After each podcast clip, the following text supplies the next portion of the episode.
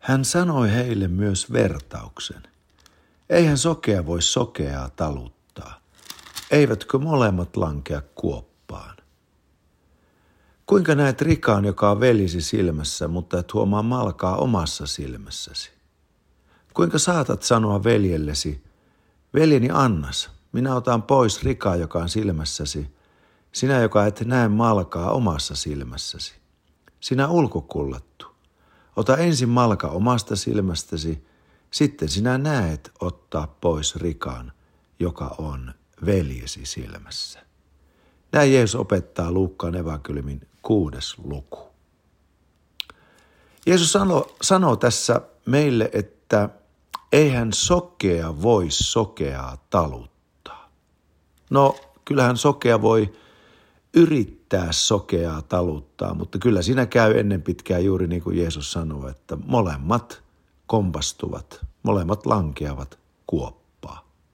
Mutta sitten tämä toinen on toisaalta kaikessa karmeudessaan humoristinen, kun Jeesus sanoo sitten, että vaikka sokea ehkä voisikin sokea yrittää taluttaa, mutta että sokea olla silmälääkärinä, että se ei oikein onnistu. Jeesus sanoo tässä näin, että kuinka näet rikaan, joka on veljesi silmässä, mutta et huomaa malkaa omassa silmässäsi. Tämä suomalainen sana malka, se tarkoittaa seivästä. Kreikan kieli puhuu hirrestä, että me voimme sanoa, että, että on seiväs taikka hirsi, hirsipuu omassa silmässä. Ja sitten ei, ei näe pientä roskaa tai rikkaa veljensä silmässä. Että, taikka siis, että kuinka voi nähdä sen pienen roskan tai rikan veljensä silmässä, kun omassa silmässä on hirsikin. Se on, se on juuri niin kuin menisi sokean silmälääkärin luo, että voitko tarkastella mun silmää. Ajattele nyt, silmähän on juuri se ihmisen olemuksessa oleva elin, jota käytetään erikoisesti puolustamaan, että ihminen on luotu. Sillä silmän kaikki tekniikka, hienosyisyys on niin äärettömän hienojakoista ja ihmeellistä ja monimutkaista ja herkkää, että silmän avulla perustellaan, kuinka tällainen voisi olla vaan joku evoluution tuotos ilman luojaansa, tekijänsä, Jumalansa. Silmä on niin ihmeellinen, operoiva elin. Mutta nyt Jeesus sanoo, että kuinka näet rikaan, joka on velisi silmässä, mutta et huomaa malkaa, hirttä omassa silmässäsi. Kuinka saatat sanoa veljellisi, veljeni Annas, minä olen täällä silmälääkärinä. Veljeni Annas, minä otan pois ton pikku roska, joka on sun silmässä, kun omassa silmässä on hirsi. Siis Jeesus opettaa, että meidän tulee ensin käsitellä omaa elämäämme – Jeesuksen Kristuksen sijaiskuoleman, hautaamisen ja ylösnousemuksen varassa. Eli meidän tulee kohdata oman elämämme syntisyys. Ja silloin me voimme olla armahtavalla tavalla pyhiä Jumalan lapsia, jotka näemme ja kykenemme ottamaan pienen roskan veljemme tai sisaremme elämästä. Muistan aina, kun kerran tuli luokseni Jumalan lapsi ja hän soitti etukäteen ja sanoi, että hän haluaa tulla tunnustamaan syntinsä. Ja kun mä odotin häntä kotiimme tulevaksi, niin pyhänkin sanoi minulle, varo nousemasta Jeesuksen sijas kuolemaa korkeammalle. Ja minä varoin. Paavali oli ottanut aina koko elämänsä ajan jatkumona – malkaa ja hirttä pois omasta silmästään ja hän näki auttaa seurakuntalaisia. Paavalihan sanoo korintolaiskirjeessä, että minä olen apostoleista halvin, siis kollegoihinsa nähden halvin. Muutama vuosi sen jälkeen hän sanoo, olen pyhistä halvin. Eli hän jatkuvasti ottaa hirttä pois omasta silmästään. Sitten hän kirjoittaa vielä muutaman vuoden jälkeen Timoteukselle ja sanoo, minä olen syntisistä suurin.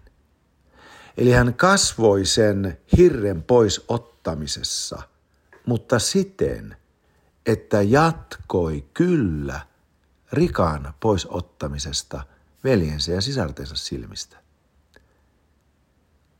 Jotkuthan tekevät niin, että he kyllä Jumalan armossa puhdistautuvat ja pyhittäytyvät omassa elämässään ja ovat Jumalan armon tähden sellaisia, jotka eivät tuomitse lähimmäisiään, mutta laimin lyövät velvollisuutensa ottaa rikat ja roskat veljensä ja sisartensa silmistä.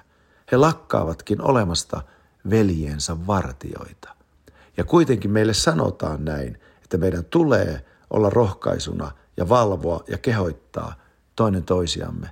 Sitä enemmän, mitä näemme Jeesuksen paluunpäivän lähestyvän. Ja myöskin meidän tulee paitsi rakentaa, kehottaa, lohduttaa, myöskin varoittaa ja nuhdella toinen toisiamme. Kun me kasvamme Jumalan armon tuntemisessa, näemme yhä kirkkaammin, kuinka Jeesus Kristus otti ruumiiseensa kaikki meidän syntimme ja meidän vanhan ihmisemme, ja kuinka hän todella poisti meiltä synnin uhraamalla itsensä, ja kuinka hänen kuolleesta nousemisessaan saimme syntyä uudesti ylhäältä siten, että kaikkien syntiemme sovitus on meidän ja täydellinen anteeksi antamus on meidän. Yhtä syvältä ja puhtaasti kuin Jeesus puhdisti meidät, olemme puhtaita. Tuon veren täytyi tulla hänen ruumiistaan ulos, koska hänellä on meidän sijaisemme, tosi ihminen, Kristus Jeesus, samalla kun oli, oli tosi Jumala ja on tosi Jumala ja tosi ihminen. Ja Jeesus avattiin kolkatalla, hänen ruumiinsa avattiin, sitä runneltiin, ruoskittiin, lyötiin, hakattiin. Ja loppujen lopuksi keihällä pistettiin hänen kylkeensä ja heti vuosi siitä veri ja vesi.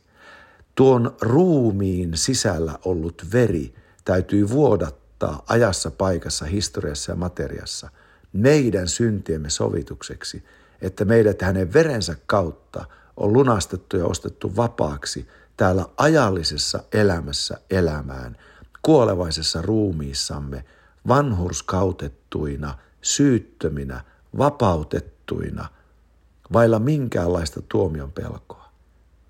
Ja sen takia, kun me olemme armahdetut, olkaamme armahtavaisia.